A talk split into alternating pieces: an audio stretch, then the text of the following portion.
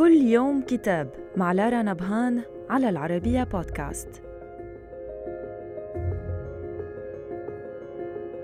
كتابنا اليوم بعنوان ورشة المسرح لميشيل برونير ومن ترجمة فتح العشري.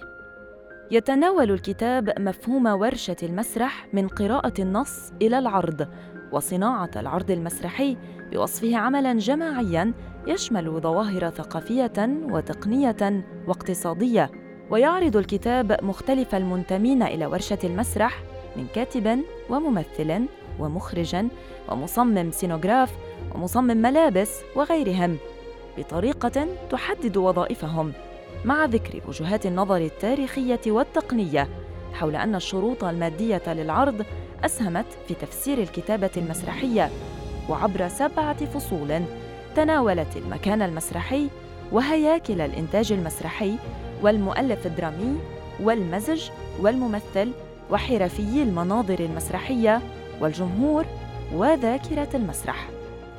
صدر الكتاب عن دار نشر المركز القومي للترجمة في مصر. وإلى اللقاء مع كتاب جديد